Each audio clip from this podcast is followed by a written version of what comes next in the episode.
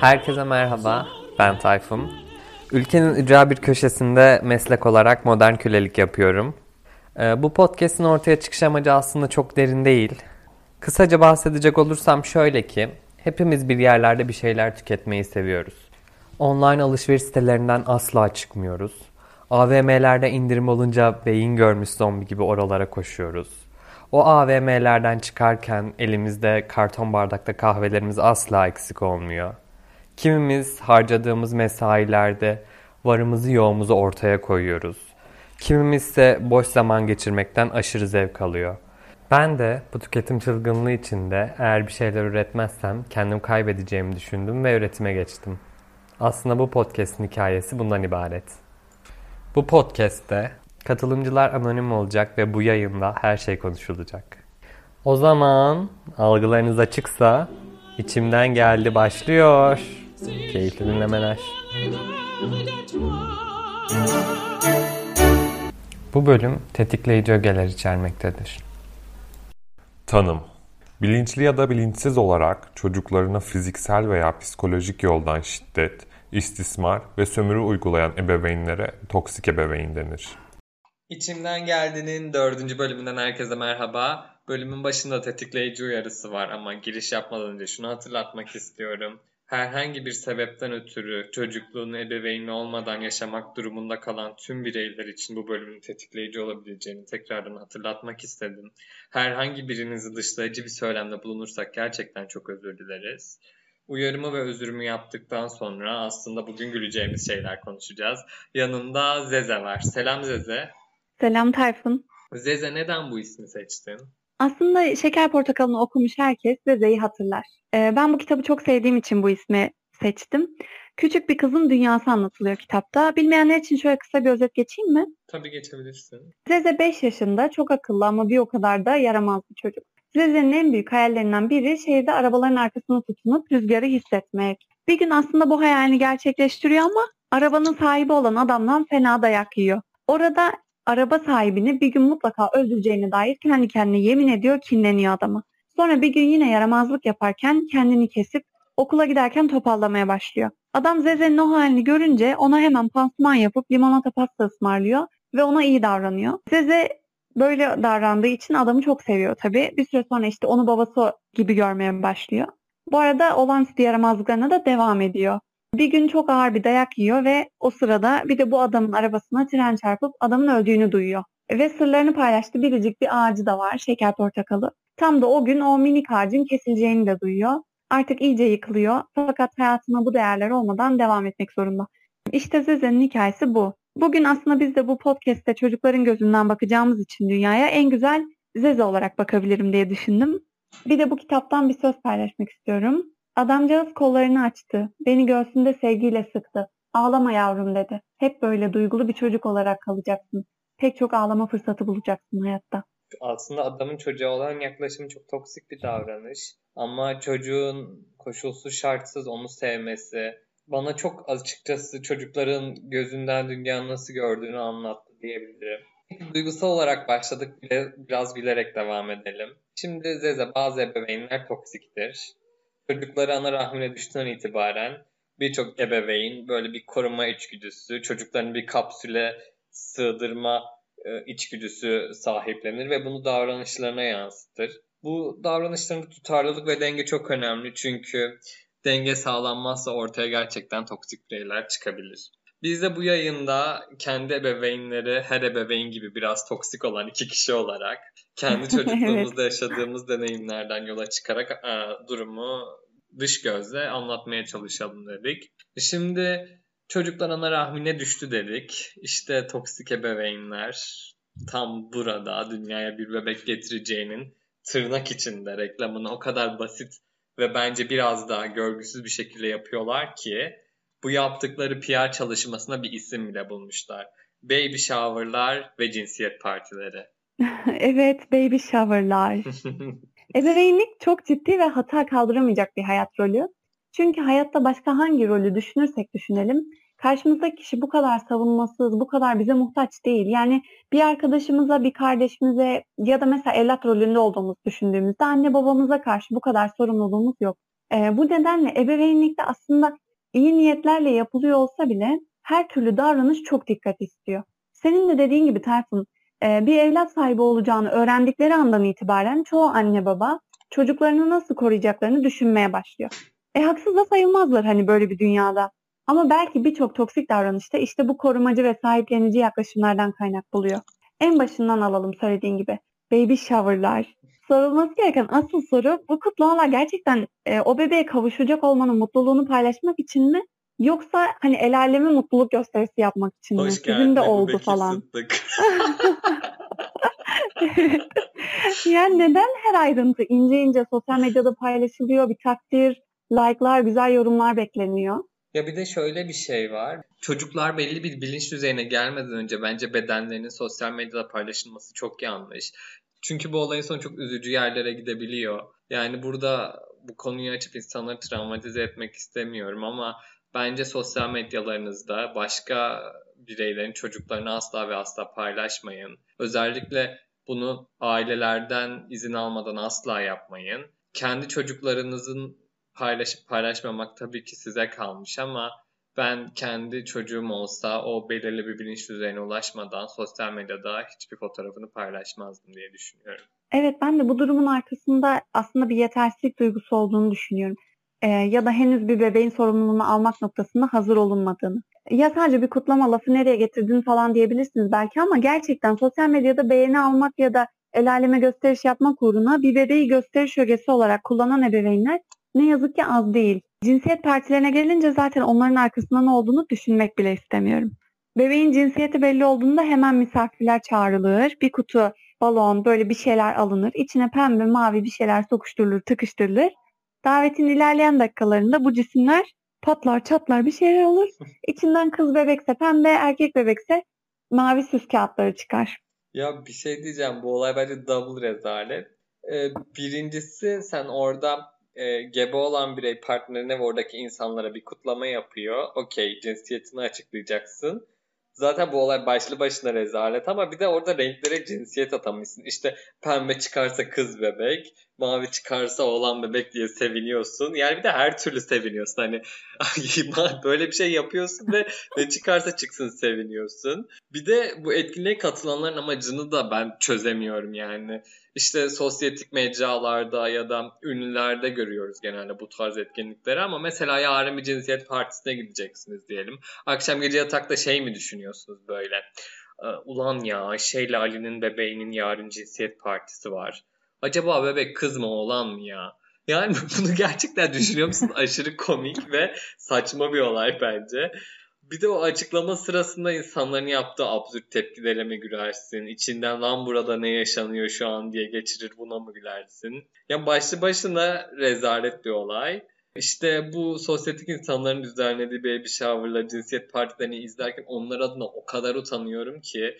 Yani onlar bu rezaletin farkında mıdır sanmam. Çünkü farkında olsalar gerçekten bunlar yaşanmaz. Evet bazen gözlerimiz kanıyor gerçekten. Aşırılığı hiçbir şekilde güzel göremiyorum. Yani çocuğun kendisini aşırı değerli sanıp etrafındakileri küçümsemesine sebep olmak e, ya da kendisini değersiz ve işe yaramaz hissetmesine sebep olmak bu aşırılıkların hani iki uç noktası. Ve bu olumsuz kazanımlar ileride de kolay kolay değiştirilemiyor ne yazık ki. Özellikle işte sosyal medyanın da içimizde olan azıcık hevesi aşırı yapıp abartmaya teşvik ettiğini düşünürsek abartılı hareketler her zaman olumsuz sonuçlar doğuruyor diyebiliriz. Sosyal medya demişken hemen şuna değinelim o zaman. İşte bu ebeveynlerin çocukları dünyaya geldi. PR'larını yaptılar, gösterişlerini yaptılar. İşte görsel becerileri gelişir gelişmez de çocukların eline bir tablet, telefon bir şey tutturdular. Verdiler YouTube'a girdi, işte oraya girdi, buraya girdi. Çünkü aslında çocuklarının görsel ve zihinsel gelişimleri kendilerine çok umurunda değil gibi. Aslında burada değinilmesi gereken en önemli konu belki de bir çocuğu dünyaya getireceklerse önce kişiler ebeveyn olmaya hazır mı? Yani kendi kendilerini bilmeleri gerekiyor. İlgilenemeyecekleri ya da en ufak bir sorunda hemen eline tablet, telefon verip susturmak isteyecekleri bir ilişki kurmamalılar çocuklarıyla. Ve bakım verebilecekleri kadar çocuğa sahip olmalılar. Yani Aa, aile planlamasına bir atıf var. Evet. evet öyle yapmaya çalıştım. Çünkü bu gerçekten önemli bir şey. Yani ne kadar çocuğa sahip olmak bir marifet değil. O sahip olduğun çocuğu güzel yetiştirmek önemli olan. Siz anladınız ne demek istediğimi diye düşünüyorum. 2-3 yaşındaki el kadar çocuğun eline sırf sussun diye tablet telefon vermek. Ya henüz fiziksel ve mental gelişimini tamamlamayan e, bu küçük bireyleri elbette olumsuz etkiliyor.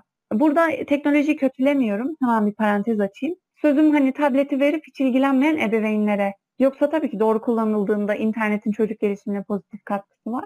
Ama dediğim gibi doğru yaşta ve belirli kısıtlamalarla kullanılmaya dikkat edilmeli diye düşünüyorum. Burada bir şey demek istiyorum ve bunu bu yayında sadece bir kez söyleyeceğim. Potansiyeli olmayan bireyler lütfen dünyaya bir çocuk getirmeyi sadece bir kez düşünmesin. Birden fazla kez düşünsün. Bir de şimdi bu ebeveynler çocuklarına tableti bilgisayarı veriyorlar. Hiç ilgilenmiyorlar. İşte sonra çocuklar böyle internette gezerken e, yetişkin bireylere yönelik bir içerikle karşılaştığında işte hemen carlamaya başlıyorlar. Çocuklarımızın ahlakı bozuluyor, internette böyle videolar olmasın, işte şunlar şunu paylaşmasın.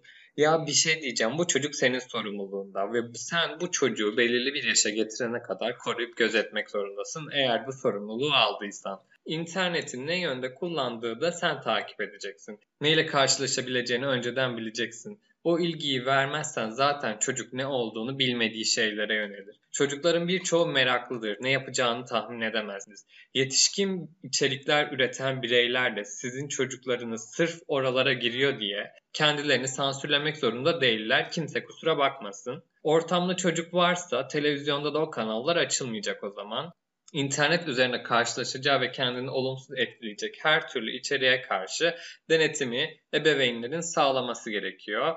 Şimdi bir de koş, koşulsuz sevgi meselesine gelelim. Evet, koşulsuz sevgi ve aslında koşulsuz güven de demek istiyorum. Ee, bir ebeveyn çocuk yetiştirirken onu koşulsuz sevgiyi ve güveni e, ona çok iyi gerekiyor.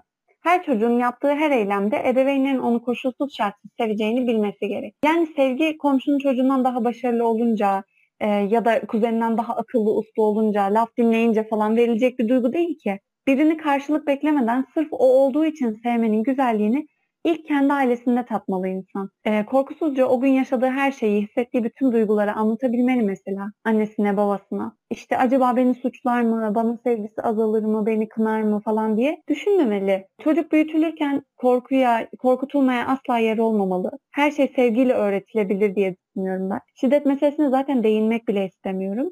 Bir de burada şey var mesela çoğu kez duymuşuzdur hani işte oğlum, kızım, sana güveniyorum da ben çevreye güvenmiyorum. ya bir şey diyeceğim. Bu cümle bence Türkiye'de yaşayan çocukların ebeveynlerinden durduğu tapan cümlesi olabilir. Yani gerçekten bu cümlenin alt metninde bence çok sıkıntılı şeyler var. Evet ya bu şey gibi bir cümle hani bunu söylemeyen ebeveyn olamıyor. Ebeveynin evet. tescilli cümlesi gibi evet, bir şey. Evet bunu söylemez ebeveynin kabul olmuyor gibi bir cümle yani. Evet. Ya bu şey hani oğlum kızım etrafta kötü kötü insanlar var, kötülükler var. Sen kendini şimdi bunlara karşı koruyacak yetiye sahip değilsin, koruyamazsın. Bir zahmet uğraştırma, otur oturduğun yerde. Gerçekten yani bu bu demek. Yani burada işte bir güven eksikliği aslında, bir sorumluluk bilincinin o çocuk çocuk bireye verilmediğini görebiliyoruz bu cümlede.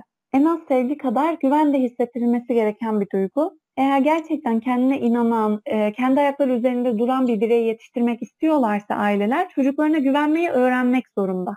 Ya böyle böyle kısıtlanan çocuklar dış dünya ile karşılaştığında ayakları yere basmayan özgüvensiz insanlara dönüşüyor. Her adımını korkuyla atan bireylere dönüşüyorlar. Hani çocukların sorumluluğunu tamam belli bir yaşa kadar e, bakım veren sizsiniz. Siz alın kabul ediyorum ama o sorumluluk bilincini yaşla beraber arttırarak aşılamak gerekiyor. Ya bence sorumluluk alamamak günümüzdeki yetişkinlerin en büyük sorunu ve senin de dediğin gibi bu çocukluktan gelen bir şey.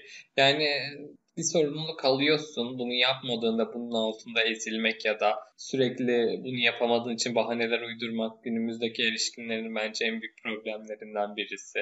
Peki çocuklukta ne gibi toksik davranışlar buna yol açıyor olabilir? Aslında yine bence iyi niyetten oluyor bu da. Ee, mesela işte yine çok duyduğumuz bir sözü hatırlatacağım. Özellikle annelerimizden. Ee, kaç yaşına gelirsen gel benim gözümde hala çocuksun. Ya bu çok tatlı elbette ama e, toplumdaki yaşları büyük davranışları çocuk insanlar aslında e, bu toksik tatlılığın sonucu olabiliyor maalesef. Burada bir şey söylemek istiyorum. Bu cümle tatlı, evet tatlı gözüküyor ama bunun da alt metninde bir sömürü var bence. Yani yani kaç yaşına gelirsen gel sen benim çocuğumsun okey bunu kimse reddetmiyor ama hani kaç yaşına gelirsen gel çocuksun cümlesi bence ya bilmiyorum söylenmemesi bir ebeveyn tarafından söylenmemesi gerekiyor. Evet ya da en azından hani bunu e, bu şekilde hissettirmesinler. Evhamlı bir şekilde e, yaşattıkları için çocuğa gerçekten mesela evhamlı anne baba belki de hani bunun hiç farkında olmadan sürekli çocuğa sen yetersizsin mesajı veriyor. Seni korumak için ben hep yanında olmalıyım. Sen daha işte küçüksün, sen yapamazsın gibisinden. Evhamlı ebeveynlerin çocukları bu sefer e, sırf anne baba kendi ruh haline hakim olamıyor diye denemekten, araştırmaktan, özgürleşmekten alıkonulmuş oluyorlar benim dediğimi yapmazsan işte başına şöyle şöyle felaketler gelir, seni şöyle şöyle şeyler bekler falan. Çocuğun hayatında sıkça duyuluyorsa eğer bu çocuk yetişkinliğinde bile hayatını yaşayabilmek için anne babasına ihtiyaç duyacaktır. Yani çünkü öyle yetiştirdiniz. Mesela çocuk odasını kendi toplasın. İşte ödevlerini kendi yapsın. Bırakın. Hani, da toplamasın diyebilir miyiz peki? Galiba böyle dersek kimse toplamayacak ama tamam diyelim. ama mesela onlara iyilik yapmayın demek istiyorum hani tırnak içerisinde gerçekten. Bir sorumluluk alsınlar, bir görev bilinci oluşsun. Dediğin gibi yapmak istemiyorlarsa yapmasınlar. Ama bunu onun yerine senin yapman daha yanlış bir davranış. Ya da mesela hata yaptıklarında herkesten önce koşup e, hatasının üstünü anne babalar örtmesin mesela çocuğun hatasının üstünü. Bu şekilde ya da mesela toplumumuzda yine çok sık karşılaştığımız işte yolda yürürken ufak bir düşmüştür hemen koşulur kaldırılır dizleri sirkelenir ayağı işte sarsılır falan iyi misin? Ya düştükten sonra kendi başına ayağa kalkabileceğini öğrenemiyor ki çocuk. Birine ihtiyaç duyuyor işte. Biri geldi gelsin kaldırsın. E o kadar falan. baby shower'ını yaptık koşmayalım mı yani sen de yani. yani evet işte oraya çıkıyor. ya her birey ihtiyacı olan tek insanın kendisi olduğunu bilerek büyümeli. Ha, Eğer anladım. öyle büyütülmüş olsaydı bugün e, yaşadığımız çoğu sorunu konuşmuyor olurduk belki de. Şunu demek istiyorum. Kendi kalkmasına izin vermediğiniz için o da kalkamayacağını zannediyor. Hani bugün toplumda çoğu insan yapabileceklerinin farkında değil. Çünkü neden? Denemeye korkuyor. Düşerim diye çekiniyor. İşte düşse de bunun dünyanın sonu olmayacağının hani farkında değil gibi. Buraya bir toksik ebeveynlik davranışı daha ekliyorum o zaman. Çocukların en küçük hatasında geçmişten bugüne kadar verdikleri em- em- emekleri sıralayan ebeveynler. Bir de yani dünyaya bir çocuk getirmişsin, bir sorumluluk almışsın. Yaptığı hataların sonucunu verdiğin emeklere de bağlama bir zahmet ya. Aynen, aynen. Toksik ebeveynler aslında e, senin söylediğin gibi çocuklara sık sık fedakarlık çetelesi çıkarırlar. İşte çocuklar için nelerden vazgeçtiklerini, nasıl da çırpındıklarını, saçlarını süpürge ettiklerini falan hani ya da seni doğuracağıma taş doğursaydım ki bu teknik olarak mümkün değil. Sana sütümü helal etmem mesela. Alt tarafı iki sene emziriyorsun ama neyse. ya bazı babalar e, kendi mutluluklarından ve hatta üzüntülerinden çocuklarını sorumlu tutuyor. Mutluluk aslında insanın içindedir. Her yetişkin kendi duygularıyla ilgili sorumluluğu kendi alabilecek kapasitede. Anne babasını mutlu etmekten sorumlu olma duygusu çocuğun bir sırtına böyle bir yük olarak e, bindiriliyor ve her zaman mesela her seferinde işte ben senin için şunları şunları yapmıştım falan bu yük daha da arttırılıyor. Ben bunu doğru bulmuyorum. Bir de şey Mesela var. işte il dışına. Lafını bölüyorum yine.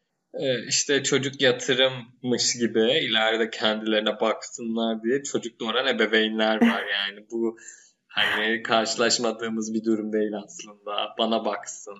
Ha böyle bir şey olabilir evet, mi kafayı yiyeceğim. Bana baksın diye dünyaya insan mı getirilir kafayı Biz küçükken sana bakmış. Ben senin ağzın altını değiştirdim falan olur ya bir de böyle şeyler. ya işte mesela yurt dışına falan gidecek çocuk. Ya kendini geliştirmek istiyor, bir şeyler yapmak istiyor. Bir aktiviteye heveslenmiş atıyorum. Yeni bir adım atacaklarında genelde hani eğer sonunda bir risk alması gerekiyorsa ebeveynler o riski göze almayıp onlar adına karar verip işte acitasyonla vesaire onları yıldırmaya çalışıyorlar. Bizim zamanımızda böyleydiler, böyle değildiler işte. Bunlar bana doğru gelmiyor ya. Bilmiyorum sen ne düşünüyorsun ama. Ya buradaki en büyük yaralayıcı ve saçma şey şu bizim zamanımızda böyle değildi cümlesi. Burada bu ebeveynler için çok şaşırtıcı bir şey söylüyorum. Sizin zamanınızda değiliz arkadaşlar. It is 2021 ya. Yani gerçekten kendi zamanınızdaki değerlerinizle çağımızdaki bireylerin gelişimini kıyaslayamazsınız. O zaman öyleydi şimdi böyle belki bir saat sonra çok farklı olacak. Yani bunun garantisini veremeyiz. Toplumdaki bireyler gelişim ve devinim içindedir. Bir de şartların zorluğuna karşı günümüzdeki çocuk ve gençlerin sürekli daha iyi şeyler talep etmesi, daha iyi şartlarda yaşamaya çalışması da olağandır. Yani bunun içinde siz geçmişte yaşadığınız çarpık yolları örnek gösteremezsiniz. Onlar için daha iyi yollar açmak, daha keyif dolu yollar göstermeniz gerekiyor. Yani kendi ebeveynlerine de bunu çok gördüm. İşte bizim zamanımızda böyle değildi. Sürekli fi tarihinden örnek verirlerdi. Bir de şöyle bir şey var. Hani tamam sizin zamanınızda böyle değildi. Sizin deneyimleriniz farklı. Sizin tecrübelerinizin ya da sizin yaşınızın daha büyük olması, tecrübelerinizin daha uzun bir zaman aralığına kıyaslanıyor olması bizim tecrübelerimizde değersiz kılınıyor. Burada gençler, gençleri ve çocukları kapsayarak söylüyorum. Bu yüzden hani ailemden duyduğum bu tarz işte bizim zamanımızda böyle değil cümlelerinin birey gelişimini çok kötü etkilediğini fark ettiğimde kulak asmamaya başladım. Galiba herkes bir yerden sonra onu yapmak zorunda hissediyor kendini. Kesinlikle bunu erken fark etmek önemli bence. Ee, bir de şu var, e, ebeveynlerin toplum içinde çocuklarına sürekli küçük düşüren sıfatlar takması. İşte sakar, şaşkaloz gibi. Ah evet, ilk yayınınızda bekle akran zorbalığı konusunu konuşmuştunuz. Ee, bunun da temelleri aile içi toksik davranışlara dayanıyor. Ee, bir çocuğun dış görünüşü, zekası, becerisi, işte davranışları hakkında sık sık yapılan sözel ataklar. E, yani bunlar e, şaka hat altında falan da olabilir. Çünkü çocuklar şakayla gerçeği ayırt edemiyor ki. Genel olarak sözel taciz olarak isimlendiriliyor. Yani biz buna şaka değil sözel taciz diyoruz. Evet ne kadar hani iyi gibi göstermeye çalışsak da olmaz. Çünkü neden? Tehditle takılmanın farkını e, çocuk ayırt edemeyebilir. İşte gerçekle şakayı ayırt edemeyebilir. Sevdikleri mutlak doğru kişi olarak gördükleri kişinin sözlerini içselleştirebiliyorlar. Bu şekilde kırılabiliyorlar. Yani bu tür sözel tacizlere çocuk ebeveynleri tarafından uzun süre maruz bırakıldığında bir süre sonra kendileri de bu şekilde görmeye başlıyor kendilerini. Ayrıca bu şekilde ezilen çocukların içlerinde ezmek ve alay etmek dürtüsü oluştuğunu da biliyoruz. Yani gücü yeten yeteni. Peki sence Zeze kusursuz ebeveynler var mıdır? İnsan kusursuz değil ki. Yani hepimizin hataları var. Anne babalar da elbette mükemmel değil. E, dolayısıyla bir çocuktan kusursuz olması beklenemez. Yani kendisi mükemmel olamayan e, mükemmeliyetçi anne babalar çocuklarının mükemmel olmasını sağlayabilirlerse mükemmel bir hayata kavuşacaklarını sadece hayal ederler. Ya bu kadar mükemmel kelimesi bir cümlede ancak mutsuzluk doğurur. Çünkü insanın özellikle de çocukluk çağında hata yapmaya ve hata yapmanın dünyanın sonu olmadığını görmeye ihtiyacı var. Hata yapmaktan korkan çocuk yeni şeyler denemek için kendine güvenemiyor ki. Bu durum erişkinlikte de yine bu şekilde devam ediyor. Hata yapmaktansa mesela çoğu erişkin hiç başlamamayı tercih ediyor. Anne babasını bir türlü tam olarak tatmin edemeyeceğini anlayan çocuk aslında bir süre sonra hayattan bir bakıma vazgeçiyor. Diğer bir seçenek de mesela şöyle daha iyisini yapabilirim hissi yüzünden başarılarından mutlu olamama, hep bir eksiklik hissetme, ya zaten hayat bir yarış. Zaten hepimizi bir yarışa zorluyor. Ya mesela biz SBS'ye giren veletlerdeniz. Ya biz 12 yaşında bildiğin bizim lisemizi belirleyecek bir sınava girdik. Bu buradan bakıldığında o kadar komik duruyor ki. El kadar bebeğiz Evet. bebeğiz daha yani 12 yaş. Ya 3 sene ard arda. Ben gerçekten 6. sınıfta oyun oynuyoruz falan sanmıştım yani. Çıkınca baktım ki bizi gerçekten sıralamışlar. Ve benim sıram hiç iyi, iyi değildi. Yani buradan Mebe teessüf ediyorum Tayfun'cum senin aracılığına tekrar. Teessüf edildim hep diyelim o zaman. Bu noktada bir miktarcık eğitim sistemimize de değinelim o zaman. Ee, ben aslında çocukken e, tabii ki değil ama en azından lisede, üniversitede işte okuldan arta kalan zamanlarda kesinlikle bir işe girip çalışmanın, en azından elinin para tutmasının, para kazanmanın e, bir çocuk ya da genç erişkin için iyi bir şey olduğunu savunanlardanım. Çünkü e, yani biz sayısız sınavlara giriyoruz, senelerce okul okuyoruz. Ama okumayı kendini yetiştirmek olarak değil de ekmek parası kazanmak olarak görüyoruz. Çünkü bize böyle öğretildi. Yani Bilir. okumazsan aç ölürsün, aç Bir- kalırsın, sürünürsün. Bir de şu var. En azından- sözünü kesiyorum ama bebeğinler tarafından garson mu olacaksın? Ben seni o kadar büyüttüm ettim. İşte kasiyer mi olacaksın? Yani burada çok büyük sorunlar var. Birincisi sen insanların çalıştığı meslekleri aşağılayamazsın. İkincisi e, sen o çocuğu ne kadar büyüttün ettin ama o çocuk belki gerçekten hani kasiyerlik yapmak ve bundan bir gelir elde etmek istiyor. Sen o çocuğun bu e, dürtüsünü de bu şekilde engelleyemezsin. Ee, bilmiyorum ben bir gün çocuğum olsa onu çalışmaya teşvik ederim diye düşünüyorum. Çünkü yani zihninde kolay para kazanma hayali olan ve kendini geliştirmeyen, işte kültür açısından, gelişim, araştırma, sorgulama açısından bunlardan uzak böyle TikTokçu şöhret peşinde bir nesil gümbür gümbür geliyor yani bu ebeveynler yüzünden. Kesinlikle ve çok korkunç bir nesil geliyor gibi. Burada eğitim dedim ben bir anıdan bahsetmek istiyorum kendi anımdan. Ortaokulda dershanedeyken bir arkadaşım vardı ve ben yani ortalamanın üstünde başarılı bir öğrenciydim. Arkadaşımın bu bahsettiğim arkadaşın annesi sürekli dershaneye gelirdi. İşte bana ve başarılı olan diğer arkadaşlarım sürekli deneme netlerimizi sorardı. Böyle işte kaç net yaptın, Türkçe'de kaç doğru yaptın, işte fende kaç doğru yaptın gibi. İstisnasız bunu çoğu denemede yapardı yani.